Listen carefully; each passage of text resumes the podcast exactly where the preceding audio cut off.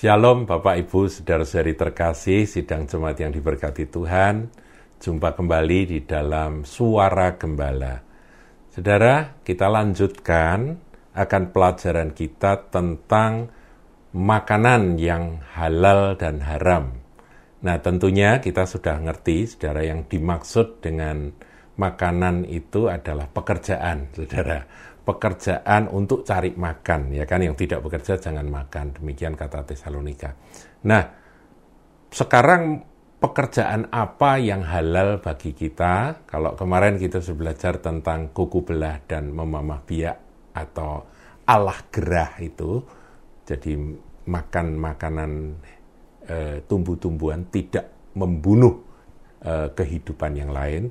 Sekarang kita akan lanjutkan saudaraku ya itu yang sudah yang kemarin sudah sudah kita lewati ya sekarang kita akan masuk ayat yang ke-8.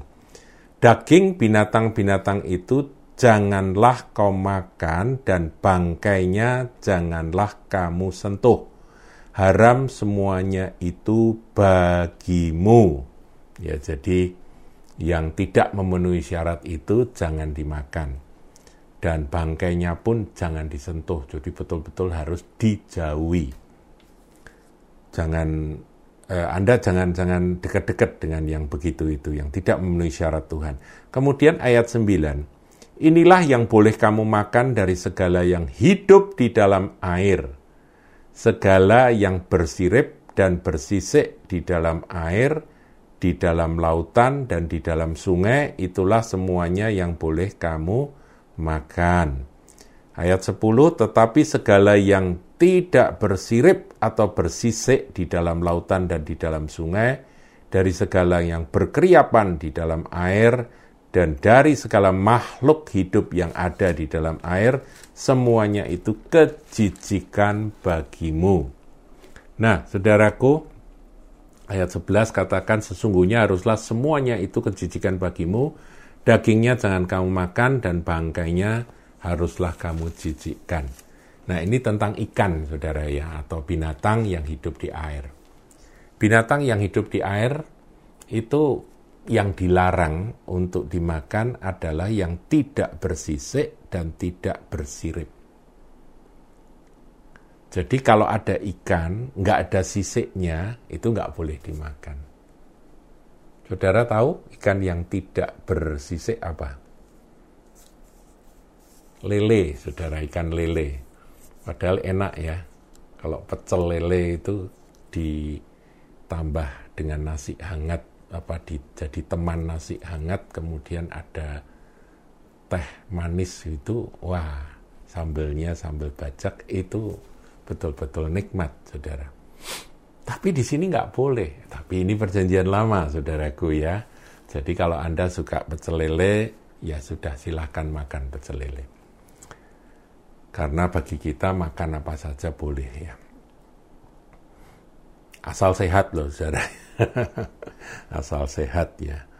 Nah, kenapa kok ada peraturan di perjanjian lama nggak, bu, nggak boleh makan ikan yang tidak bersisik? Saudaraku, sisik ini berbicara tentang zirah. Kita ini di perjanjian baru, jadi menafsirkan perjanjian lama harus dengan perjanjian baru ya. Sisik ikan itu kan perlindungan bagi kulitnya ikan. Nah, ini kalau dalam perjanjian baru kita melihat Efesus saudaraku ya. Coba kita lihat Efesus pasal yang ke-6 di dalam Efesus pasal 6 ada selengkap senjata Allah. Dan di dalam selengkap senjata Allah itu ya ayat 11 dari pasal 6 kenakanlah seluruh perlengkapan senjata Allah supaya kamu dapat bertahan melawan tipu muslihat iblis. Nah, kemudian dikatakan kita harus mengambil seluruh perlengkapan senjata Allah dan salah satunya adalah baju sirah keadilan. Ayat 14. Jadi berdirilah tegap, berikat pinggangkan kebenaran dan berbaju sirahkan keadilan. Saudaraku, di dalam kita bekerja mencari nafkah, saudara harus tetap menegakkan prinsip keadilan. Itulah sisik kita, perlindungan kita. Ya, kalau prajurit Romawi itu mau berangkat perang, mereka pakai baju sirah. Dan baju sirah itu biasanya berlapis-lapis seperti sisik. Dan itu digambarkan dalam makanan yang halal haram, peraturan halal haram di dalam imamat 11. Yang boleh dimakan, yang halal, pekerjaan yang halal adalah pekerjaan yang tetap mengenakan prinsip keadilan, saudaraku. Kalau saudara tidak adil kepada rekan bisnis Anda, maka itu haram.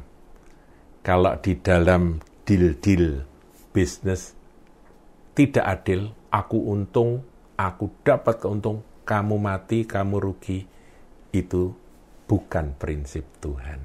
Itu haram. Paham ya, saudaraku? Sisi prinsip keadilan harus ada di dada kita. Artinya kita harus pakai hati nurani. Saudara, bisnis punya pabrik, punya usaha, ada pegawai banyak. Bagaimana keadilanmu dengan para pegawai yang sudah bekerja menopang akan e, berjalannya akan pabrik yang Anda miliki? Harus ada prinsip keadilan buat mereka. Saudaraku, inilah nilai-nilai kerajaan Allah. Digambarkan di perjanjian lama, kalau tanpa sisik, meskipun enak, meskipun toa cuan ya, untung gede, tapi akibatnya nggak apa itu, dalam bisnis itu prinsip keadilan dibuang, saudara kita harus hindari. Tuhan tidak berkenan. Nah, kemudian dikatakan yang bersirip. Nah, sirip, saudara, ingat ikan ya. Gambar ikan ya. Ikan itu kan ada siripnya. Ada siripnya. Sirip dan kiri kanan itu sirip juga ya. Itu sebetulnya apa tuh? Kalau saudara perhatikan ikan di akuarium itu kenapa kok ada siripnya? Itu ada fungsinya, saudara. Fungsinya adalah untuk keseimbangan supaya ikan itu dapat tetap tegak lurus begini. Jadi di dalam kita bekerja mencari nafkah, cari makan istilahnya, saudaraku ya, kita harus mengedepankan prinsip keseimbangan. Sudahkah dalam bekerja kita tetap tegak tercacak di dalam kehidupan rohani kita? Teguh tidak goyah. Itu yang dimaksudkan. Ya mirip dengan kuku belah tadi. Ya dalam perjalanan kuku belah itu kan yang jasmani jalan, tapi yang rohani juga tidak boleh ditinggalkan. Kalau cuma satu saja nggak boleh, harus dua-dua. Demikian sirip itu adalah gambaran keseimbangan supaya saudara tetap seimbang. Yang jasmani dikerjakan, yang rohani tidak boleh ditinggalkan. Sehingga hidup kita sebagai umat Tuhan itu tetap tegak. Tidak miring, saudaraku ya, karena siripnya nggak ada. Jadi harus bersisik, keadilan, dan bersirip. Paham ya, saudaraku? Tuhan Yesus memberkati.